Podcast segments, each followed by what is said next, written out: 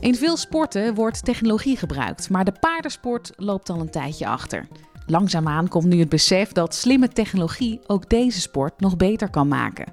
De start-up Technology op de Hightech Campus in Eindhoven heeft een van de eerste tech-innovaties voor de paardensport ontwikkeld. Ze komen met een teugeldruksensor die ervoor zorgt dat je met je paard nog beter kan presteren. De oprichter van iPos Technology is Benke Steenbergen en zij is vandaag de gast in de Hightech Podcast. Welkom. Hi, ja, Ingeloe, bedankt voor de uitnodiging. Als we kijken naar die ruiters, hè, tot nu toe hebben die natuurlijk altijd zonder teugeldruksensor gereden. Uh, wat hebben zij gemist? Ja, uh, tot nu toe hebben wij inderdaad paard uh, gereden zonder sensoren. En niet onverdienstelijk moet ik daarbij zeggen hoor. De Nederlandse paardensport behoort tot de, de crème de la crème van de wereld. Uh, dus of ze nou echt iets gemist hebben. Ik zou eerder zeggen, het kan misschien nog een beetje efficiënter en nog een beetje sneller en misschien zelfs nog wel een beetje beter. Uh, en ik denk met name voor nieuwe ruiters die deze sport onder de knie willen krijgen. Kijk, je hebt te maken met een uh, levend dier hè, van uh, 600 kilo. En die moet je met onze kleine kippenkracht, hè, zal ik maar zeggen, onder controle krijgen. En daar komt een heleboel gevoel bij kijken. En dat gevoel hebben wij nooit eerder een getal op kunnen plakken. Totdat wij nu met deze teugelsensoren daar uh, wat meer inzicht in gaan krijgen. Wat werkt nou? Hè? Wat wil zo'n paard? Hoe denkt zo'n paard? En hoe kunnen we daar nou uh, invloed op uitoefenen? Heel wat, leuk. Wat gaaf is dat, hè? Oké, okay, dus je hebt dus zo'n uh, teugel in je hand en je wilt natuurlijk sturen. wat doet jullie sensor precies? Ja, dus wij leveren twee sensoren. Eentje gaat aan de linkerteugel en eentje aan de rechterteugel. Tussen het bit van het paard en de teugel. Dus, en, de, en die teugels worden gebruikt om te communiceren met het paard. Want eigenlijk is paardrijden natuurlijk een teamsport. Je hebt een paard en een ruiter en die moeten samen een bepaalde prestatie laten zien. En het uh, crux eigenlijk van of je goed of niet goed bent in deze sport gaat ook over die samenwerking. He, dus hoe beter die samenwerking en dus die communicatie verloopt, hoe beter jij kan presteren. Wij zeggen altijd, het moet lijken alsof dat paard het vanzelf doet. Dat ja. is natuurlijk niet zo, maar het moet onzichtbaar zijn voor het publiek. Ja, ja. En die onzichtbaarheid maken wij nu uh, ja, in data, in een getal. Dan sommige ruiters doen het bijvoorbeeld met 200 gram, sommige ruiters doen het met 2 kilogram en sommigen hebben 20 kilo nodig om hetzelfde voor elkaar te krijgen. Nou, je kan je voorstellen dat daar wellicht nog wel wat winst te behalen is. Niet alleen voor de ruiter en zijn prestaties, maar ook voor het welzijn van dat paard, wat uiteindelijk ook belangrijk is. En, en hoe werkt dat dan precies? Je hebt dus, dus die sensoren. Um, en hoe weet dan de ruiter wat hij moet doen of waar hij welke kant op moet trekken? Ja, nou, de ruitersport gaat daar al heel veel over hoor. Dus er is al heel veel bekend over hoe je zou moeten rijden. We streven naar lichtheid. Is bijvoorbeeld een van de doelstellingen voor elke discipline. Uh, ook door de FVI, hè, dat is eigenlijk de FIFA van de paardensector, als uh, uh, doel gesteld. Daarnaast werken we altijd toe naar een symmetrie. Want paarden zijn een beetje uit balans. Die hebben ook een voorkeurshand. Net als wij mensen ook rechts- of linkshandig kunnen zijn. Dus je kan je voorstellen onbalans bij het paard. En dan stop je nog onbalans van een ruiter boven. En dat willen we weer proberen een beetje in balans te krijgen. Zodat we dat paard evenredig kunnen gaan trainen. Dus ook symmetrie is een heel belangrijk criterium. Daar trainen we altijd al voor, maar we konden het nooit meten. Nee, dus je, je, je denkt, oké, okay, ik denk dat het nu goed voelt. Ja. Maar je kunt nu ook meten dat het zo is. En dat zie je dan in een app? Ja, in een app. Dus we geven de coach eigenlijk als eerste een, uh, een app op zijn eigen telefoon. De data komt live binnen. Dus er zit uh, nou, een fractie van een seconde aan vertraging op. Maar je ziet meteen wat er bij dat paard en die ruiter gebeurt. En bijvoorbeeld scheefheid zijn ruiters zich echt helemaal niet zo van bewust.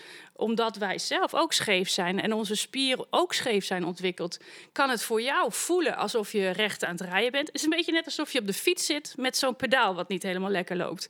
Nou, zo voelt het ook als je op een scheef paard Maar als je altijd op diezelfde fiets zit, voel je het niet meer. Dus nu kan de coach jou helpen en zeggen van ja, er moet toch net toch even een kilootje af. En soms wel drie kilo verschil hè, tussen de linker en de rechterkant. En je kan je dus voorstellen dat dat echt veel invloed heeft op de manier waarop dat paard beweegt.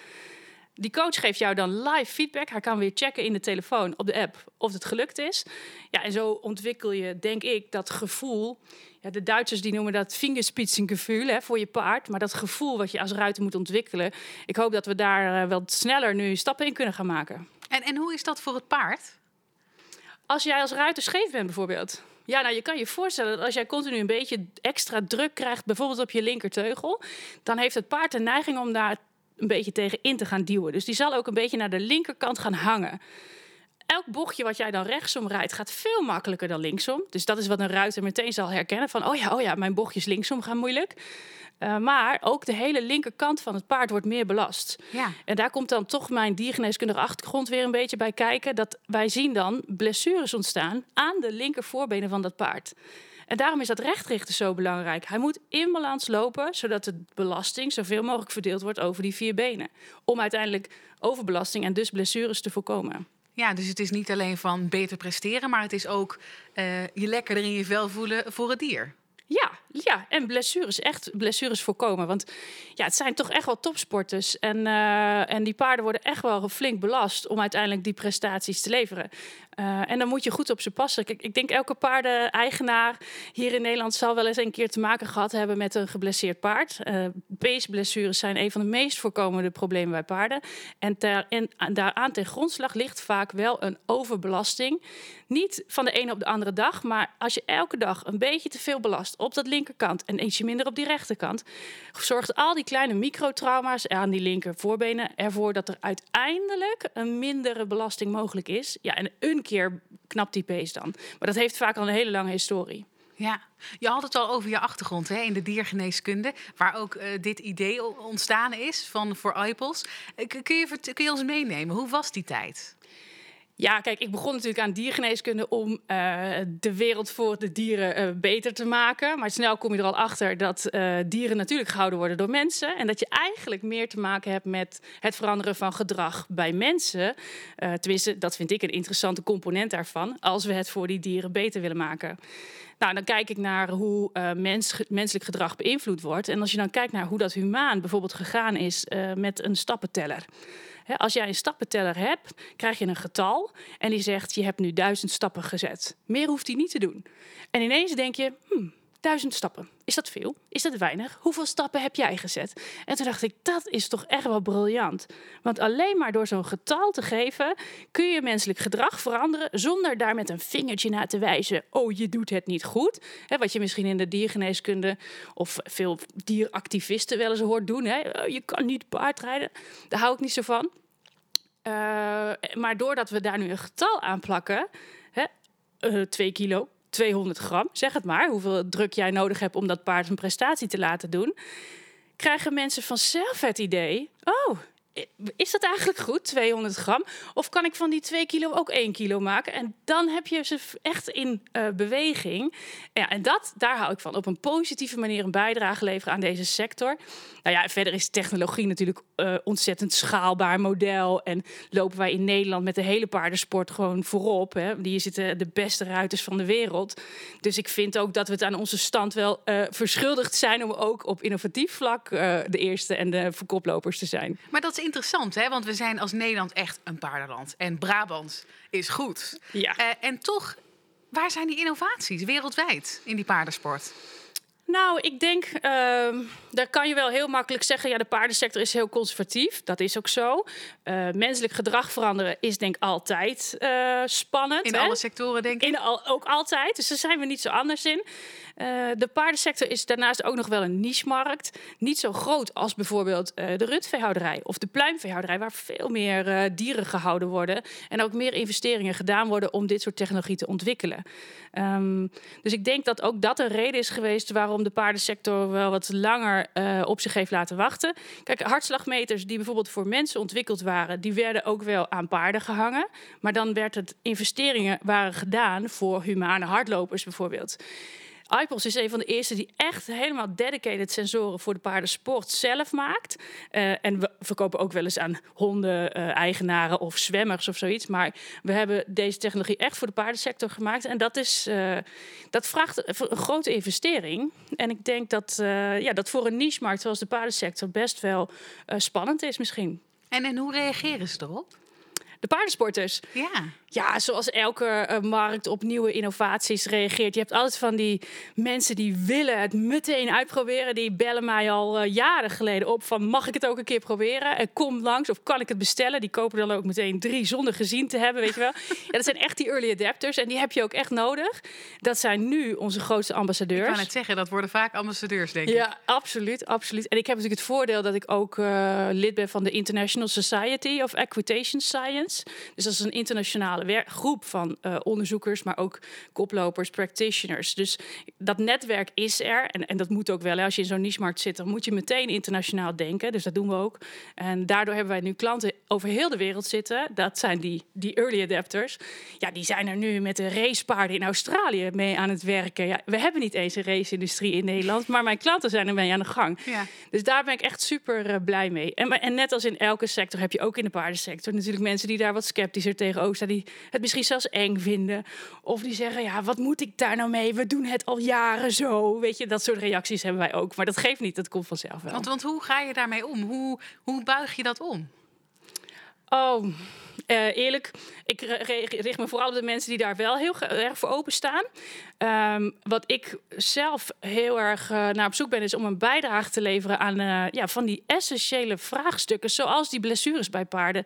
Weet je, als mensen daar zoveel last van hebben. En zelf ben ik natuurlijk ook paardeneigenaar en ruiter en instructeur. En weet ik hoe vervelend het is als je paard geblesseerd raakt.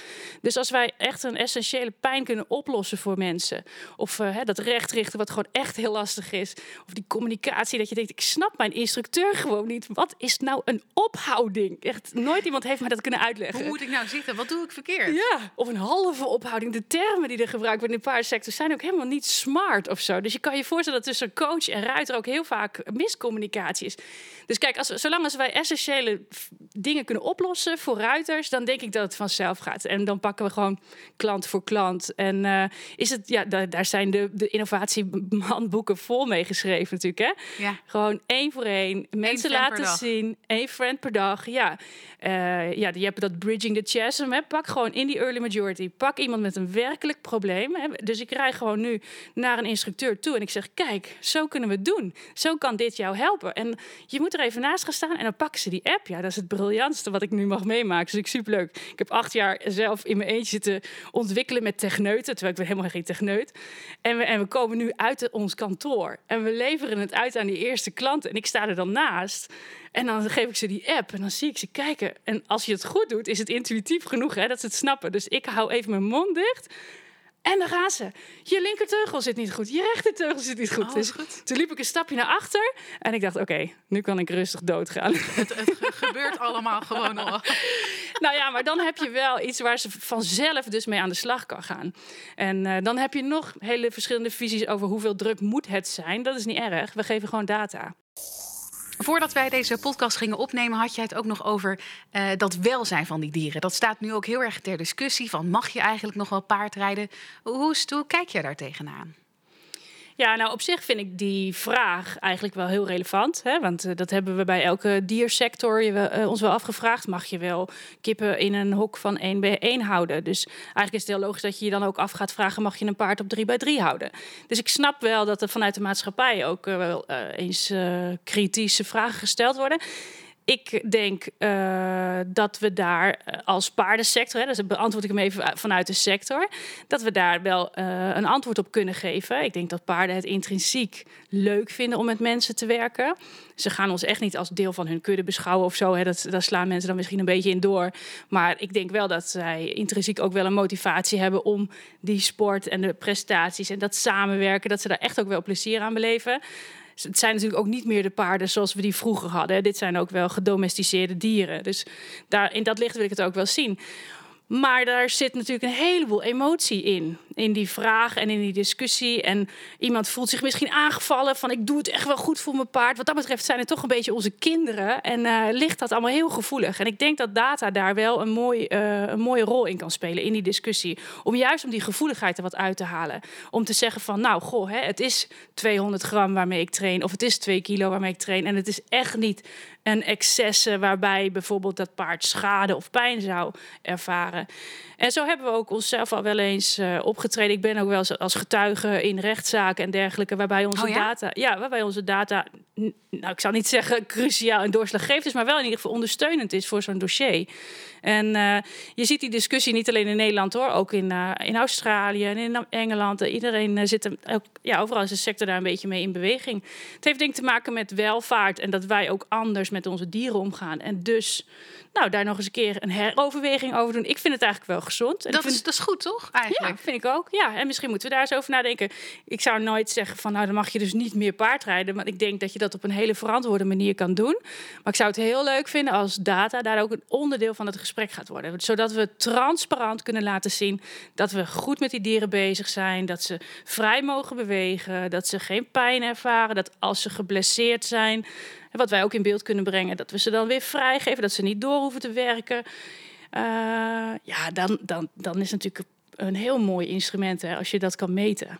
Iets meer los van de emotie. Ja, ja, want het is al een hele emotionele sport. Het, het gaat ons allemaal heel erg uh, aan het hart. En iedereen wil goed voor zijn paard zorgen.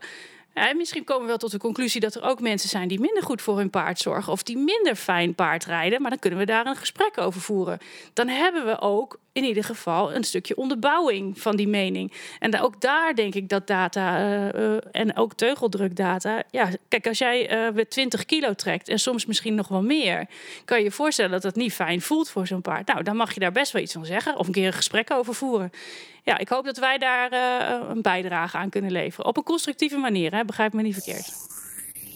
Hoe is het nu om na al die jaren eindelijk het product ook echt ja, in het echt te zien? Hoe, hoe voelt dat? Dat moet fijn zijn, lijkt me.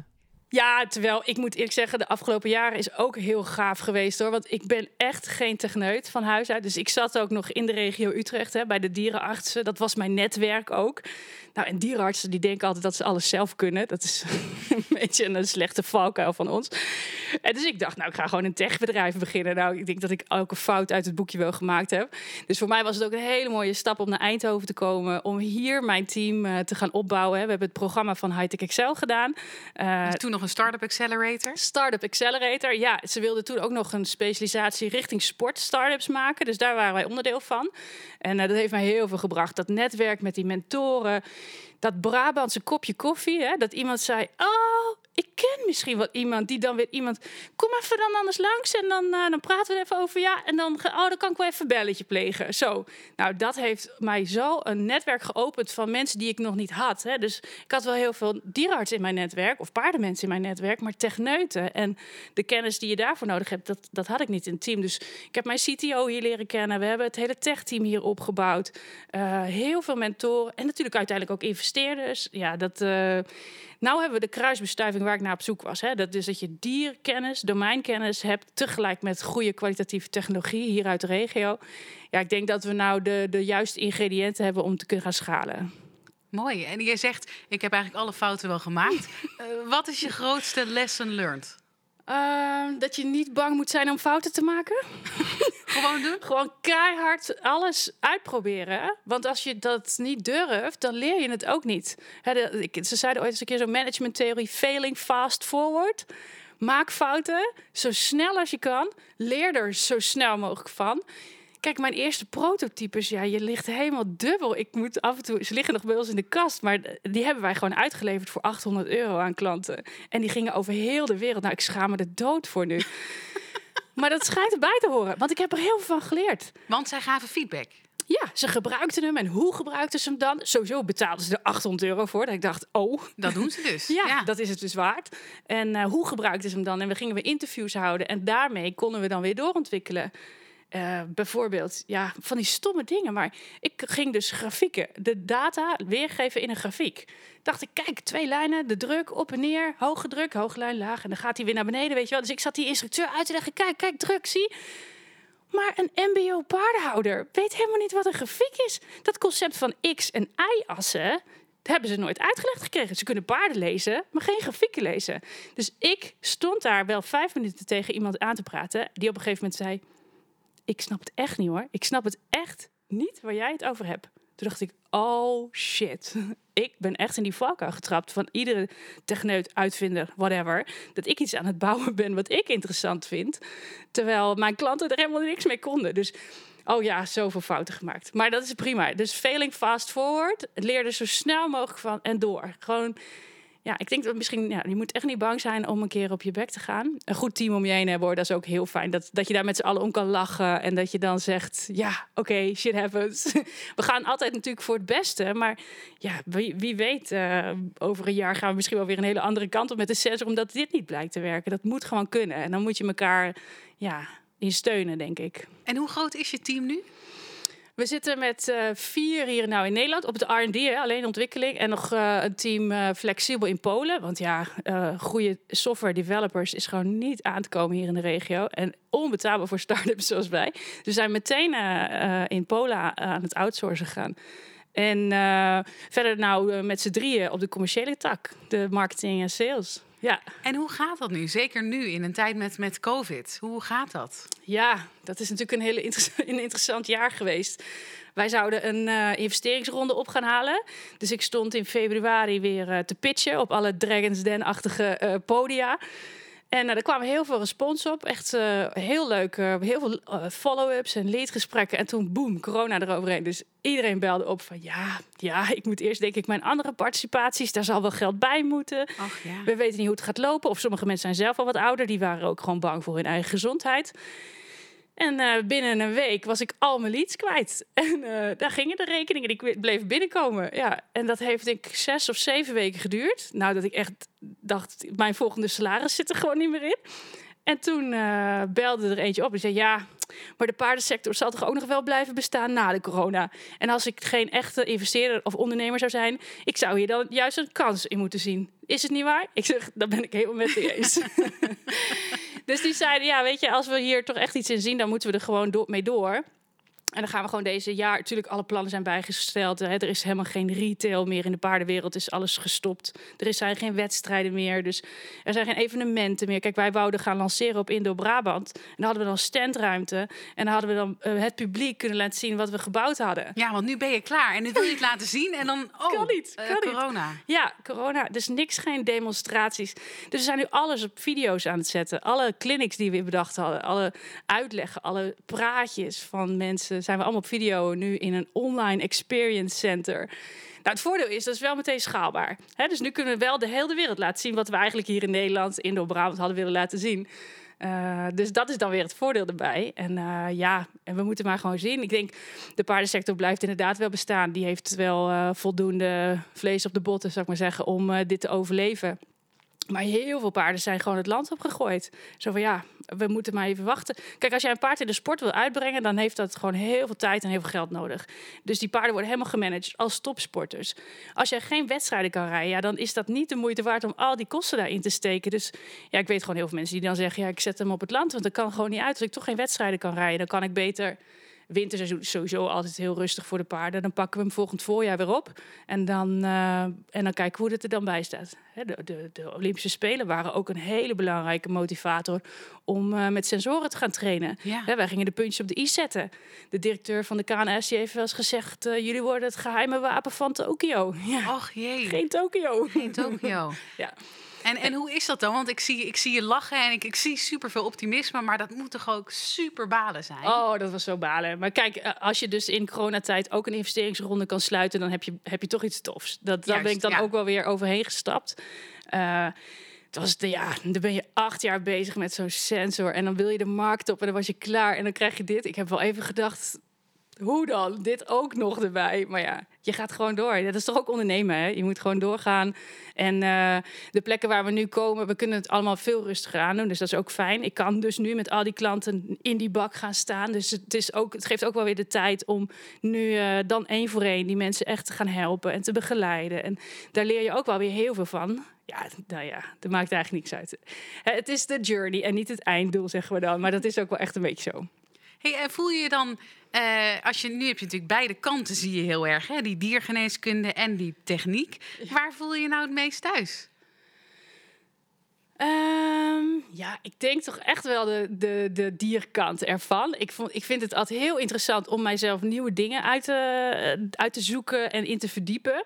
Uh, dus als je ineens uh, moest een patent aanvragen en dan lig je ineens met mega veel juridische teksten. En dan vind ik dat ook weer leuk om in te duiken. Hoe zit dat eigenlijk met patenten? En dat was ook altijd met uh, software schrijven zo. Alleen ik kan nog steeds geen code lezen hoor. en de eerste keer dat ze het over Python hadden, dacht ik dat het een slang was. Maar zo, hè, dat soort grapjes hebben wij af en toe onderling. Um, maar nee, ik ben heel blij dat ik nu weer terug kan naar de diersector. En dat ik weer hè, in die paardenbakken paardenmensen kan helpen. We heel leuk met Britt Dekker bijvoorbeeld samengewerkt. En dan als ruiter haar enthousiasme denk, ja, daar heb ik het wel voor gedaan. Daar heb ik het wel voor gemaakt. Dus... Nu komt de beloning, hè? Met iedereen die het mag gaan proberen. Ja, ja. Al, al zijn die tech-mensen ook waanzinnig slim. Hè? Dus ik heb zo'n leuk team ook daarbij zitten. Die, die, ze gaan wel altijd... We hebben wel dezelfde normen en waarden. Ik denk dat dat nog belangrijker is als je zo'n bedrijf bouwt. Bij, uh, aan beide kanten willen we voor het hoogst haalbare gaan. De kwaliteit die we leveren, dat is ook natuurlijk wel heel Nederlands. Maar, uh, en heel integer. Ja, er zijn toch wat normen en die in zo'n organisatie zitten. Of je nou van de techkant zit of de commercie. Daar hebben we elkaar wel echt op gevonden. Uh, dus, dus dat, ja, ik, ik vind het nog steeds hartstikke leuk om die diversiteit te hebben in één bedrijf. Ja. En, en iedereen die bij jullie werkt, heb je dan ook iets met paard? Rijden ze ook paard, bijvoorbeeld, die techneuten?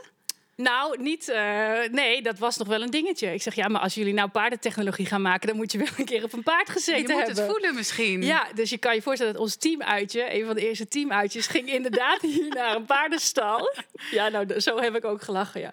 Met een cap op. En, uh, en sommigen konden wel rijden, die deden wel eens op vakanties en zo. Uh, dus die waren dan meteen de stoerste. En anderen hebben zich ook heel ja, dapper daar stand weten te houden. Want het is natuurlijk de eerste keer heel oncomfortabel en het hobbelt. En ja het is oncontroleerbaar. En kijk, ik zit al mijn hele leven in die paarden, dus ik kan die dieren lezen. Maar als jij niet de taal van zo'n dier kan aanvoelen of lezen en niet begrijpt wat ze willen, dan lijkt me dat ook best wel heel spannend. Maar dat was, uh, dat was een heel leuk teamdag, was dat, ja.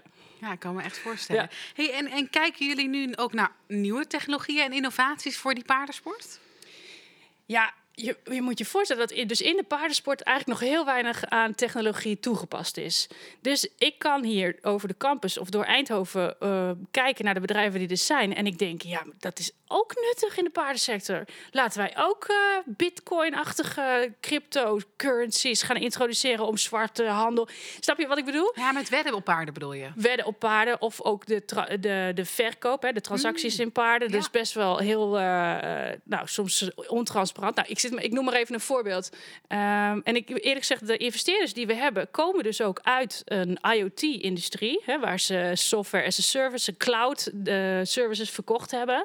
En die zeggen van ja, maar het is toch bizar dat de hele paardensector dit nog niet heeft. Dus uh, ik denk dat bijna alle technologieën nog wel in de paardensector toegepast kunnen gaan worden. De vraag is even van waar heeft de paardensector het meeste behoefte aan? En waar kunnen we uh, ja, de beste businessmodellen op loslaten? En daar zit zeker, als je kijkt naar data science, uh, de hele verkopen van jouw uh, data cloud en, de da en de, ja, het monitoren van groepen paarden bijvoorbeeld. ja, ik denk dat we straks misschien wel kunnen voorspellen wie er het beste getraind op de spelen aankomt. Hè? Daar, er zit best wel wat waarde in die data. Of bij racepaarden kunnen wij zien welke blessures er geweest zijn in de afgelopen maanden. Ja. Nou, zou het interessant zijn als je daar ja, dan ga je misschien naar een hele, hele spannende wereld toe. Maar die data is wel wat waard. Dus kijk, dat, dat weten wij nu nog allemaal niet. Maar ik denk dat dat. Uh, daarom is het interessant dat we nu dus investeerders hebben die al eerder data verkocht hebben als uh, software uh, servicebedrijf. Ja, voor hun is het echt een no-brainer. Die denken echt, nou, dit is blank canvas, open poort. We gaan er gewoon, duiken er gewoon in. Ja, ik zie je ook helemaal glunderen. Wanneer ben jij nou echt blij? Nou ja, ik, ik moet eerlijk zeggen, dat is, uh, ik vind het uh, nieuwe dingen uitproberen vind ik leuk. Dus dat avontuur vind ik het leuke. Ik denk als, ik, als het straks allemaal helemaal staat en het is een succesvol bedrijf, dan vraag ik me wel eens af of ik er dan nog net zo blij van word als nu. Maar ik ben toch echt wel een ondernemer die um, de kansen ziet, daar een visie op heeft en ja, dat toch dat spannende dingen wil uitproberen, nieuwe dingen wil uitproberen. Dus ik zit eigenlijk nu wel heel lekker. Uh, ik denk, als het straks helemaal loopt, dan, dan ga ik denk ik gewoon in de R&D-afdeling toch wel weer nieuwe dingen bouwen. Dat zit gewoon in mij. Ja. Ja, dat is een persoonlijkheid. Hè? Dat moet je leuk vinden. Ik zou niet blij worden als ik allemaal grote bedrijfsrapportages moet gaan managen. Nee. Wat dat betreft ben ik echt wel een pionier. Met, uh, in, en dan zit ik nu eigenlijk helemaal lekker op mijn plek. Mooi. Teams nou. bouwen ook. Dat is ook zo leuk. Met enthousiaste mensen werken. Dat is toch leuk? Kan je gewoon allemaal kijken wie er matcht. Wat voor persoonlijkheden je nodig hebt. En ja, daar geniet ik echt van. Mooi. Dat betekent dat we nog meer van jou gaan zien. We gaan je in de gaten houden. Enorm bedankt dat je er was vandaag. Ja, graag gedaan. Dankjewel. Heel leuk. Vond je dit nu een leuke podcast? Nou mooi, want we doen dit vaker. Je kunt ons vinden op de socials, op Facebook, Twitter, LinkedIn, Instagram. En we hebben natuurlijk ook een site, hightechcampus.com. Check het voor de laatste seminars, video's en dus podcasts. En tot de volgende.